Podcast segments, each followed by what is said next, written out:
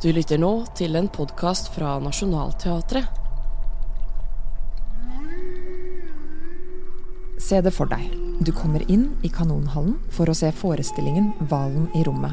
Og det første som møter deg, er en svær, fargespekket scenografi. Innsiden av en hvalbuk. Denne sceneriggen er så iøynefallende, så tiltrekkende at jeg nesten snubla opp trappa da jeg skulle finne plassen min. Og jeg fikk lyst til å bare gå og sette meg ned i en av de glorete sofaene som sto der eh, inne i hvalens mage på scenen. Scenerommet setter i gang noen tanker og hint om forestillingen Hvalen i rommet. Men det er en underlig stemning. Hvalaktig musikk, skiftende scenelys. Og underligere skal det bli, for ved nærmere kikk så ser du at hele scenografien er av plast. Hvorfor det? Og skuespillerne kommer inn og prater og beveger kroppene sine på en pussig måte. Hvorfor det? Det er den japanske scenekunststjernen Torski Okada som har laget forestillingen 'Hvalen i rommet', og han bruker en helt egen teatermetode som han selv har utviklet. Det er som om han snakker et nytt, underlig teaterspråk.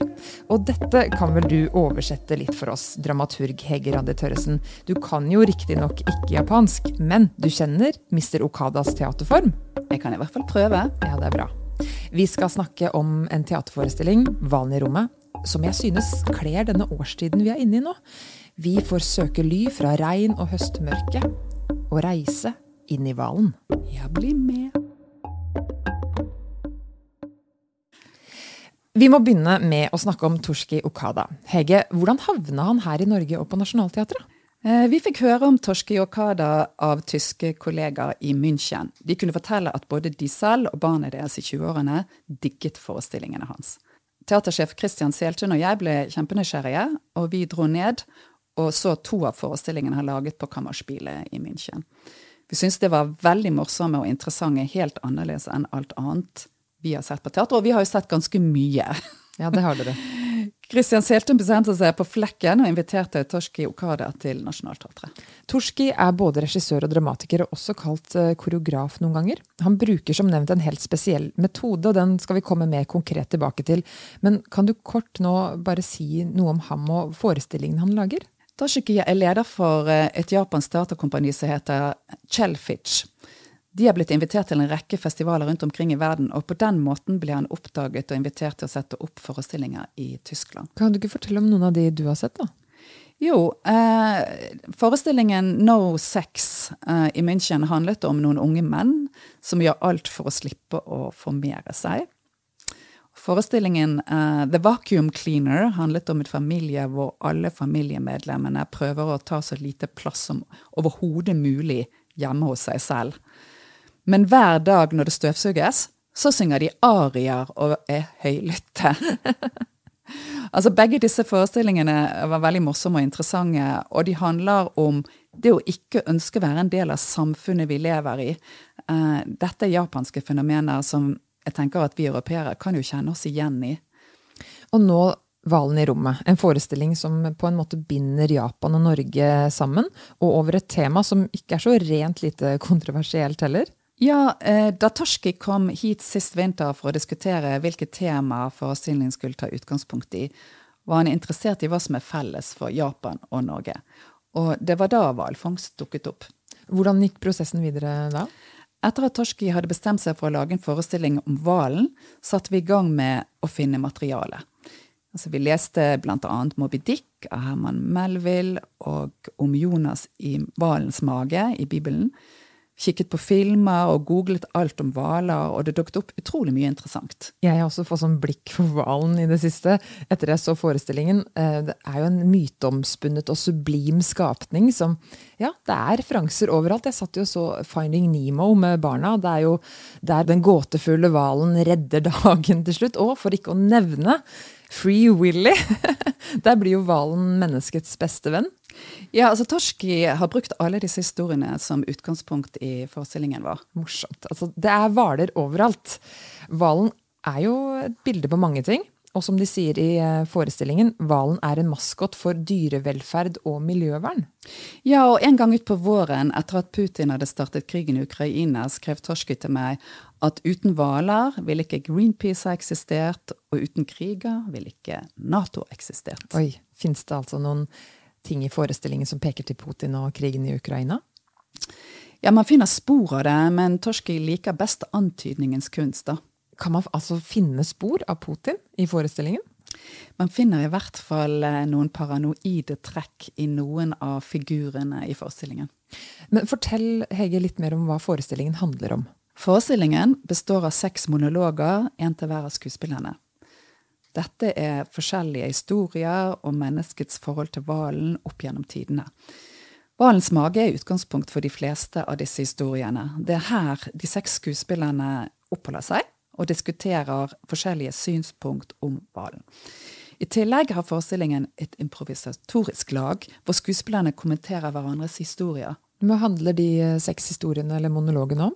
Den første monologen forteller om en død hval som synker til havets bunn, og om miljøvern. Og Den neste monologen dreier seg om en gjeng greenpeacere som skal stanse en hvalfangstbåt men som havner i vannet og blir slukt av en hval. Den tredje monologen forteller om seks styrtrike mennesker på et cruiseskip som synker i en storm.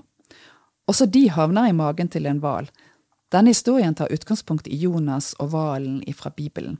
Deretter får vi høre om blåhvalens infralyd, hvordan blåhvalen kommuniserer med en lyd vi mennesker ikke kan høre. Vi får også høre om hvalen Moby Dick, i Herman Melvilles roman, og at hvalen har vært en energikilde opp gjennom tidene.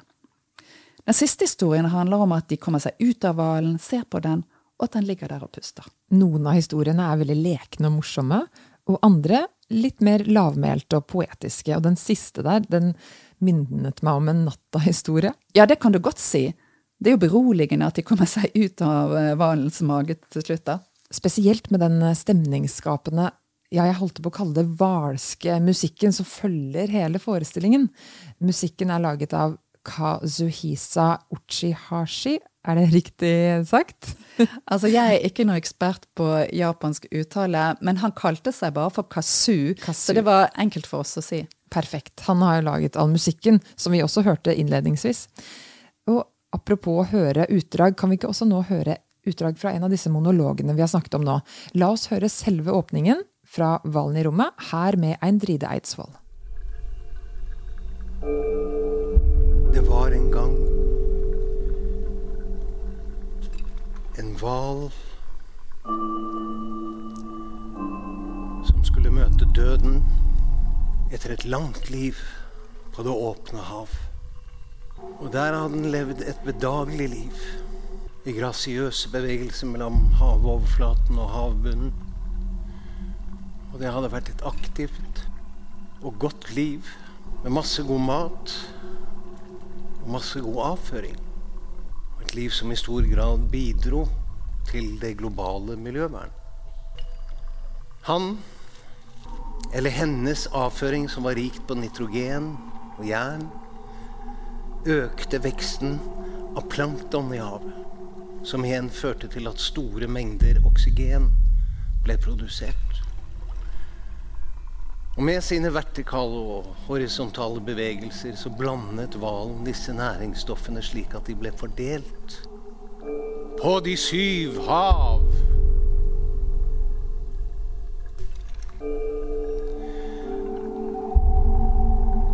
Men nå er teppet i ferd med å gå ned for det gode liv. Bevegelsene fulle av livskraft Pulsen som strømmet gjennom dette enorme vesenet, stilner langsomt før det til slutt stopper helt opp. Og en død hval synker mot bunnen. Det fins ikke lenger noe hensikt. Den trenger ikke lenger å spise, den trenger ikke lenger å lagre oksygen i kroppen.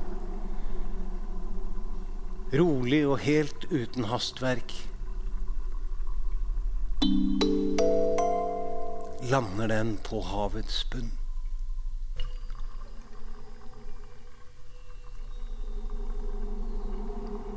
Og den døde hvalen ligger der som en gigantisk karbonmasse. Kroppen har den plassert langt under overflaten.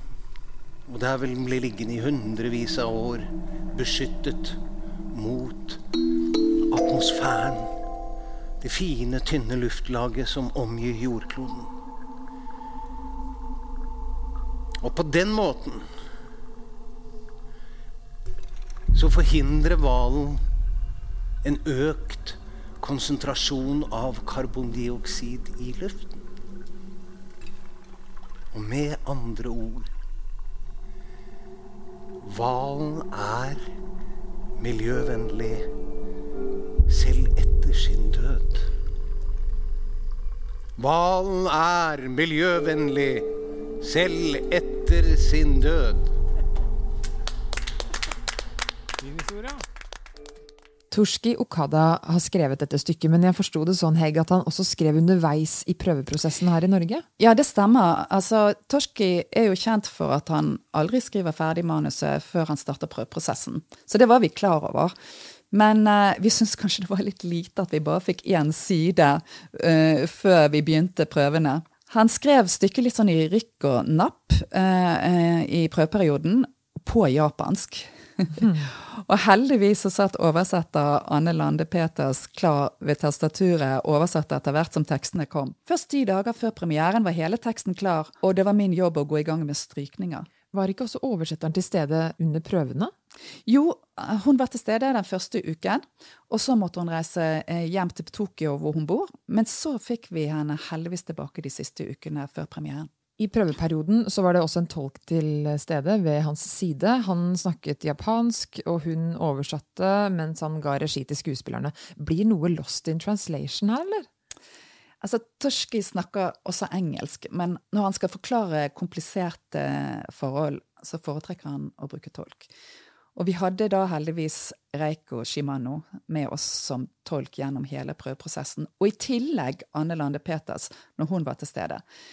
Det er klart at det er krevende å bruke tolken for å synge. Altså, alle vil jo helst snakke direkte med regissøren, som i dette tilfellet også var dramatiker og dessuten hadde sin helt egen metode hvordan lage teater. Alle måtte skjerpe seg veldig og være tålmodige på tolkeprosessen. Jeg syns egentlig at vi etter hvert ble ganske flinke til å lytte og vente på tur. Fortell om denne metoden hans, altså hvordan han lager teater. For dette er ikke noe tradisjonell eh, japansk teaterform, dette? Kort fortalt så går Torskis metode ut på at skuespillerne ikke skal forklare fysisk kroppen sin det de sier. Altså, Når de får en tekst, så skal de bruke den første assosiasjonen de får til denne teksten, og utføre en handling som har med den assosiasjonen å gjøre. Hmm. Så det handler om å unngå å illudere det de snakker om? Altså unngå det åpenbare? da? Ja, det stemmer så jeg, bare så jeg har forstått det, så skal altså kroppen gjøre noe annet enn det du sier. Det bildet de får på netthinnene med en gang de leser en replikk, det skal de ta utgangspunkt i til en bevegelse. Ja, og da må jeg bare spørre hvorfor? Altså hvorfor vil Torske jobbe på denne måten når han lager teater? Når du tenker deg om, så er det jo sånn vi fungerer i hverdagen. Vi snakker om noe og gjør noe helt annet. Mens vi to sitter her og snakker om dette, trekker jeg ned genseren på ryggen med hånden min. Mm. Altså, man gjør ting med kroppen som ikke korresponderer med det man snakker om. Dette mm. er Torski Okada interessert i. Han ber skuespillerne om å overdrive og forstørre og repetere disse bevegelsene. Jeg leste også at uh, Torskis interesse for å lage scenekunst startet ved akkurat dette du forteller om nå. Disse observasjonene. At han hadde sittet på metroen og sett folka drive med noen gester og forme bevegelser som var langt fra sammenhengende med de ordene de sa så er ideen da at han vil at skuespillerne skal jobbe like mye med kropp som med ord?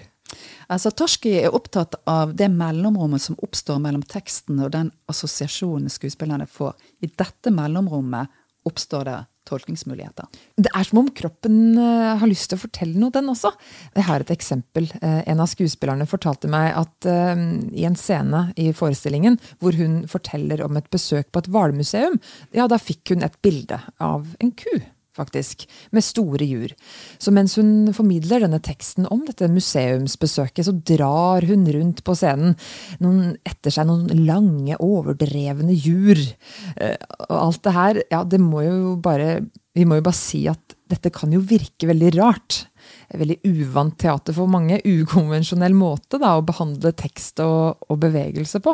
Ja, det er det absolutt. Og det høres lett ut når vi snakker om dette, men det tok lang tid før vi knekte koden til metoden hans. Vi tenkte ok, nå har vi det. Sånn er det altså. Men nei, så måtte vi jobbe videre. Altså, Noen skuespillere skjønte det litt kjappere enn andre. Og vi som satt og så på, begynte etter hvert å se når skuespillerne hadde knekt koden eller ikke. Det var en veldig spennende og interessant prosess. Ja, det tror jeg på. Det må jo handle veldig mye både for skuespillerne, men også for oss i publikum, om å hengi seg til dette. da. Dette, ja, litt pussige, uvanlige, lekende fysiske teaterspråket. Ja, når skuespillerne tror på det og hiver seg utpå, oppstår det et interessant forhold mellom tekst og bevegelse. Og når det klaffer, blir det veldig morsomt. La oss høre et utdrag fra forestillingen. Her skal vi få høre Henriette Marø, som gir oss oppskriften på en vellykka dyrevernaksjon. Det var en gang for lenge siden ei modig og målbevisst gruppe på seks. Der var alle enige om at en viss ting var absolutt utilgivelig. Og den ene utilgivelige tingen var hvalfangst. Til tross for at det eksisterer vitenskapelige bevis på hvalen sin høyentlige intelligens, så fins det fortsatt folk som jakter på han, og som nekter å ta et oppgjør med det gamle verdisynet sitt. Nei da, de tviholder på det og nekter å slutte med denne brutale virksomheten. Går det an å være så lite følsom? Vi kan ikke bare sitte her og la det skje. Derfor la den modige og målbevisste sekstetten ut på det store hav. Fordelt i to gummibåter, utstyrt med et vanntett kamera, hadde de to mål. Det ene var å sabotere hvalfangsten. Det andre var å filme og dokumentere sin iherdige innsats og sende det ut til hele verden. Hvis du ser utover havet med kikkert vil du snart oppdage lavtflygende sjøfugler i flokk. Og lavtflygende sjøfugler i flokk er et tegn på at det er Er det krill? Ja, det er et tegn på at det er krill i nærheten. Og der hvor det fins krill, ja, der er altså god for at du støter på en hval. Med andre ord, sjansen er stor for at det kommer et hvalfangstskip. Vi må snakke litt om disse folka vi møter i Hvalen i rommet. Hvem er de, hvor er de, og hva er det de egentlig driver på med, Hege? Forestillingen har flere lag. Seks skuespillere fra Nationaltheatret spiller seks skuespillere som forestiller seg hvordan det er å være fanget i magen på en hval. Disse fiktive skuespillerne har hver sin monolog, hvor de forteller hverandre historier. Her gir de hverandre roller som skal utspilles. I den ene monologen spiller de f.eks. at de er seks styrtrike mennesker, en gruveeier, en våpenhandler, en advokat, en agent osv. I en annen monolog er de greenpeacere. Ja, Og så er de på digital avrusning, ikke sant? For det er ikke noe wifi og heller ikke noe klokke. Nettopp. Og hva gjør man for å få tiden til å gå når man er innestengt et sted sammen med andre mennesker over lang tid? Jo, man begynner å fortelle historier som overlevelsesstrategi. Og det minner meg om Dekameronen av Boccaccio, den eh, novellesamlingen som er skrevet på middelalderen, der eh, noen ungdommer flykter fra pesten, sperrer seg inne i et hus, og for å få tida til å gå, så forteller de hverandre historier. Ja, for eksempel Shakespeare og mange andre forfattere har latt seg inspirere av Dekameronen. Vi må jo også snakke om at det er en tydelig appell i forestillingen til dyrevern og miljøvern, både i teksten, men også i denne plastikkbonanza-scenografien til Katrin Bombe. Ja, Teksten refererer både til greenpeacere som vil redde hvalen, og til dyrerednings-youtubere som går for langt for å få de beste videoopptakene og flest delinger på YouTube. Og så får vi også gjennom forestillingen servert en hel del naturvitenskap og fun facts om ja, hvordan hvalen har vært en ressurs for oss mennesker gjennom tidene. Ja, både Torski og vi andre har som sagt lest oss opp for å få vite mer om hvalen. Blant annet var vi på Hvalmuseet i Sandefjord sammen. Ja. Visste du forresten at tungen til blåhvalen kan veie like mye som en elefant? Oi, er det sant? Ja, du må ta deg en tur til Sandefjord. Ja, kanskje jeg skal gjøre det. Og la oss høre et utdrag til. Her får vi høre Bernhard Arnø sin monolog, og han har mye å opplyse oss om. Men hvalen var ikke bare en ressurs for energien. Det var en ressurs for kulturen. Hvalolje ble brukt for å lage såpe så folk holdt seg rene. Vaselin ble brukt mot tørr hud. Hvalbardene ble brukt på fiolin... Barder? Ja, ble brukt på fiolinbuer. Hva er det? Hvalbarder? Ja. Er, det er noe sånn tenneraktig. Sånn du skiller ut maten. Krillen. Det er en sil. Krill. på en måte. Munn. Og på den tiden så gikk damene rundt i store klokkeformede skjørt som ble holdt oppe av krinolineskjeletter, som også var lagd av hvalbarder. Man kan altså si at det var takket være samfunnets utskudd at det var lys i gatene, at folk hadde en strålende hud og struttende skjørt, og at vi hørte vakker musikk. Så hvalen bidro til lys i gatene? Det visste jeg ikke. Ja, hvalolje ble brukt til lampeolje før i tiden. Eh, Og det er jo interessant når vi befinner oss midt i en energikrise. Tilbake til det du sa om menneskets eh, overlevelsesstrategi. Ja, når ingen og ingenting kan redde oss, og vi er overlatt til oss sjæl, og alt vi kan gjøre er å fortelle hverandre historier for å holde motet oppe. Tror du Torski Okada med forestillingen 'Hvalen i rommet' vil minne oss om det her ja, urinstinktet? da, Det å komme sammen i krisetider, koble oss på hverandre, dele historier gjennom språk og kropp? Vet du hva? Det får publikum komme og gjøre seg opp sin egen mening om. Kom til Kanonhall på Løren og se hvalen i rommet. Flykt vekk fra høstmørket og ned i hvalmagen. Der er det rart og artig og varmt. Det er oppfordringen. Takk, Hege. Og takk til deg som lyttet til eh, teaterprogrammet. Nå går vi snart imot en ny sesong her på teateret også. Nye forestillinger, og med dem nye podkastepisoder. Så husk å trykke abonner på podkastspilleren din. Da dukker neste episode automatisk opp. Og send oss gjerne en e-post om du lurer på noe. Teaterprogrammet alfakrøll nasjonalteatret.no. Det var alt for denne gang. Jeg er Gunhild Kilde. Bak spakene satt Oda Tømte. Vi høres.